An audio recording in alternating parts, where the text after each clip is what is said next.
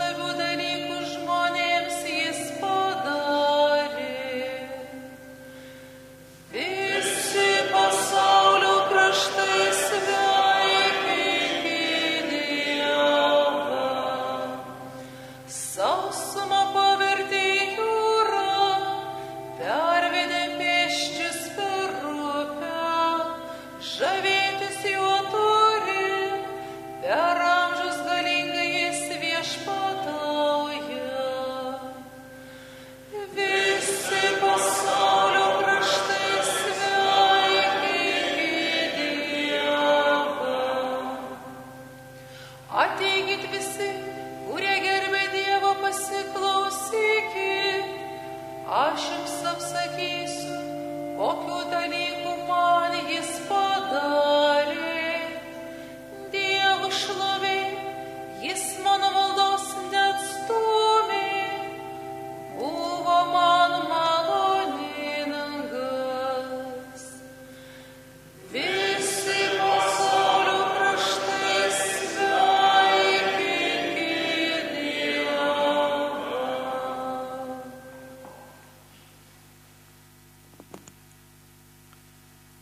Skaitinys iš Šventojo apaštalo Petro pirmojo laiško. Mylimieji, šventai sergėkite savo širdise viešpati Kristų, visuomet pasirengę įtikinamai atsakyti kiekvienam klausinčiam apie jumise gyvenančią viltį. Bet tai darykite švelniai ir atsargiai, turėdami gryną sąžinę, kad šmeižintis jūsų gerą elgesį Kristuje liktų sugėdinti dėl to, už ką jūs šmeižia. Pagaliau, jei tokia būtų Dievo valia, verčiau kentėti už gerus darbus, negu už piktus. Kristus vieną kartą numirė už nuodėmės, teisusis už neteisiuosius, kad mus nuvestų pas Dievą, beje, kūno numarintas, o dvasia atgaivintas. Tai Dievo žodis. Dėkojame Dievui.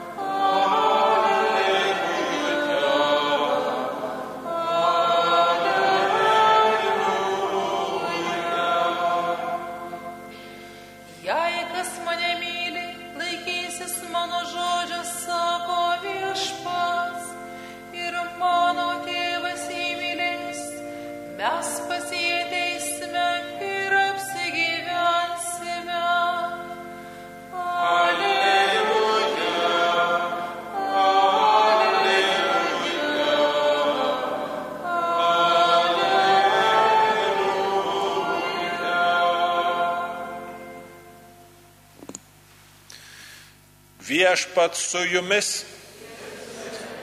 Pasiklausykite Šventojios Evangelijos pagal Joną.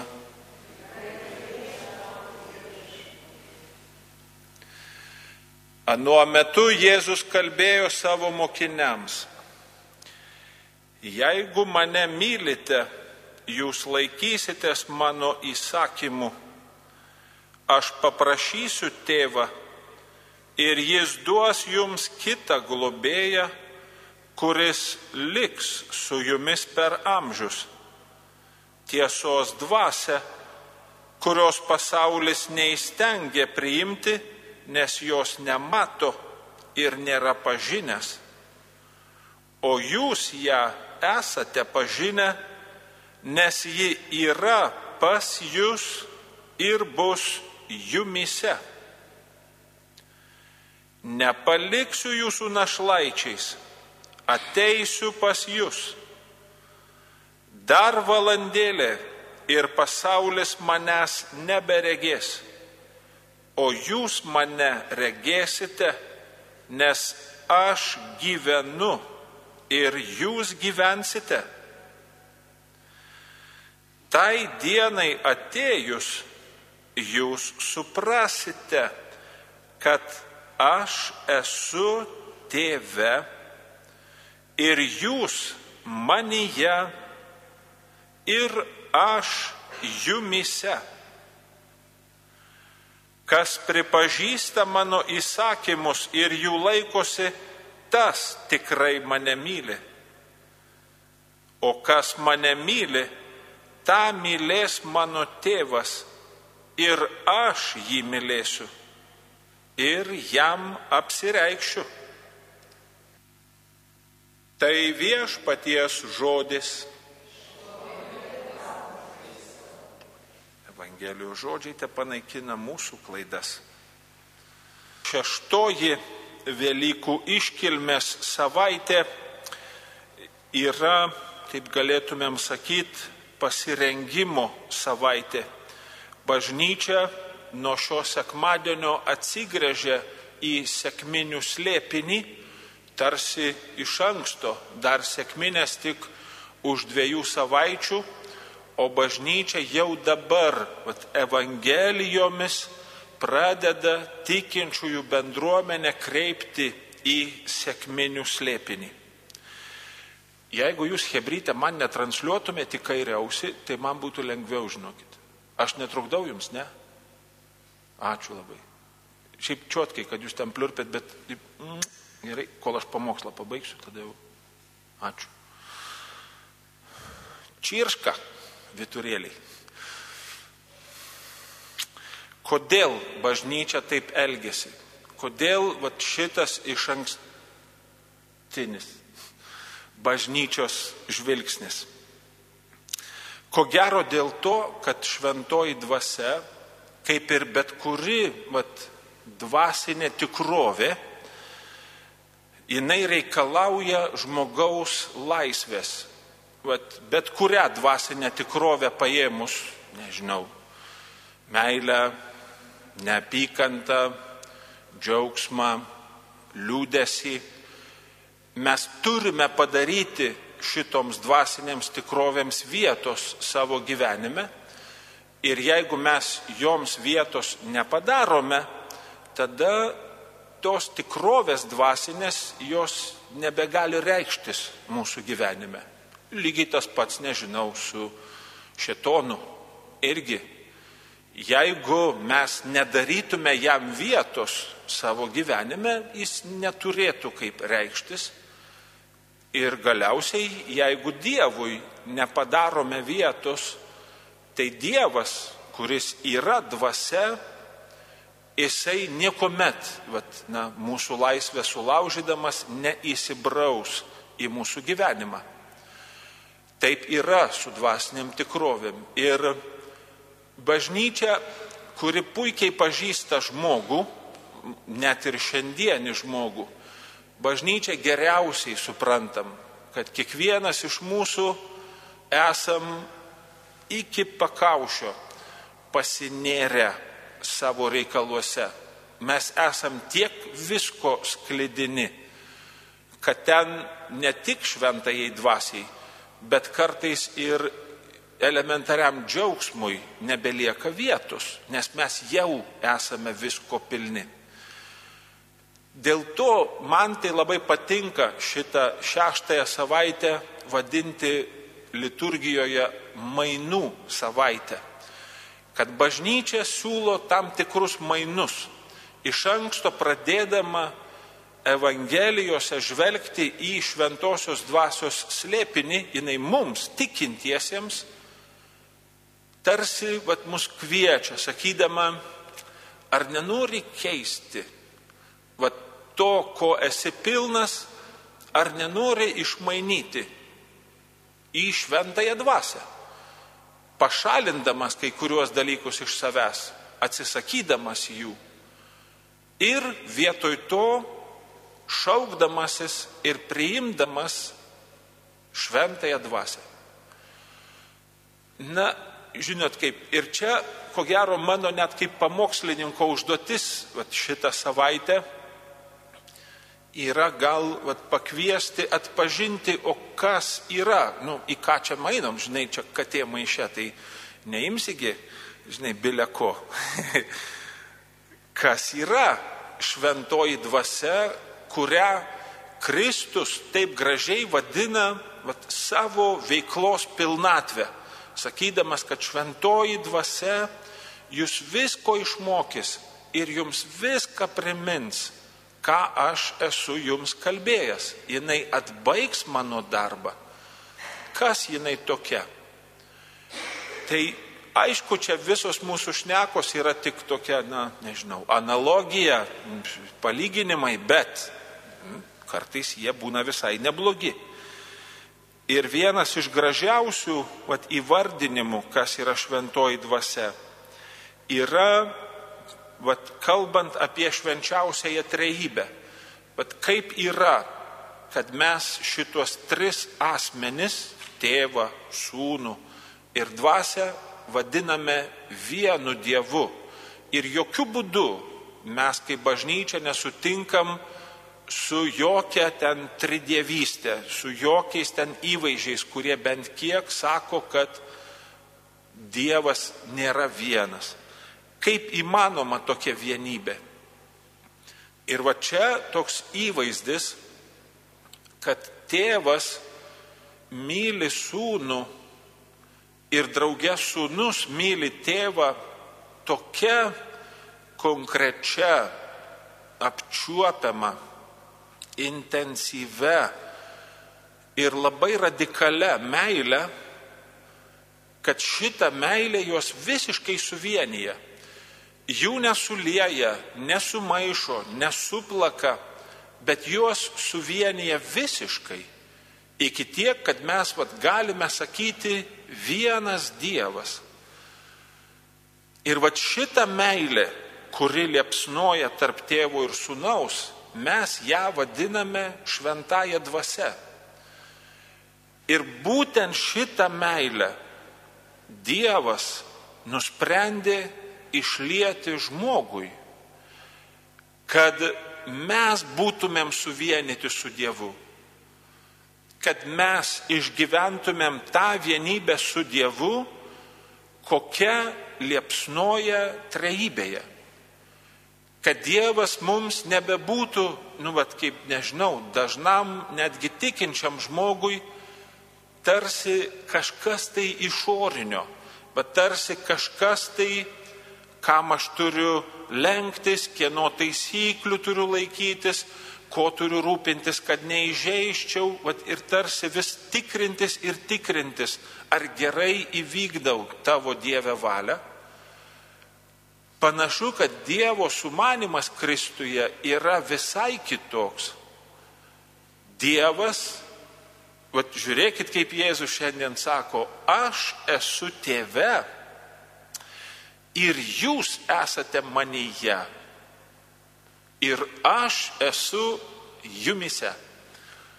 Nu čia, jeigu kas nors pamėgintų nupiešti, tai aš duočiau šimtą eurų, žinai jeigu kam nors pavyktų čia šitą dalyką pavaizduoti. beviltiška, kadangi tai yra dvasinė tikrovė. Tik dvasioje įmanoma šitaip persiskverbti vienas į kitą, būti šitokiui vienybei vienas su kitu. Ir ko gero būtent vat, mūsų dvasioje Dievas trokšta įsikurti, kadangi iš mūsų dvasios kyla mūsų sprendimai, mūsų mintys, netgi nuotaikos, tikslai. Ir tai būtų beržės dalykas, pasiemus kažkokį išorinį įstatymų rinkinį, mūsų šiandieniai tikroviai pamėgins susiorientuoti ir įvykdyti Dievo įsakymus. Makaronai, niekada taip nebus. Kiekvienas žmogus, kuris mėgina taip daryti, su juo žinot, kas nutinka. Jo sąrašas susitraukia iki kokių dviejų, trijų dalykų, kuriuos jūs ir taip daro. Ir, ir taip, ne, net nereikia raumenų įtemti. Jis ir taip va, šitokius dalykus elgesi taip ir viskas jam gerai. Ir va tada žmogus neišvengiamai pradeda save apgaudinėti, kad kadangi va šitų trijų dalykų laikausi, tai jau aš čia vykdau Dievo valią. Taip nėra. Dievo valia yra tokia pat reikli, kaip ir bet kuris asmeninis santykis. Vat turit šeimas jūs. Pasižiūrėkit, ką ten reiškia vykdyti vat, kito valią. Mat, ką reiškia gyventi su asmeniu. Tai čia net, žinai, vieną dieną pasakėjai labas, kitą dieną pasakysi labas, jau nebetiks. Nes jau reiškiasi tu arba apkerpėjai ir nebeaugi, arba kaip tik tavo tas labas bus taip ne vietoj pasakytas, kad tik įskaudinsi kitą. Ir jeigu kažkur pamėgintumėt vat savo šeimose pagyventi su va tokiu sąrašu, žinai, kaip aš čia dabar su tavim turiu elgtis. Tai vaikeli čia net laikytumėt ir pusdienio. Todėl kunigai negyvena šeimose.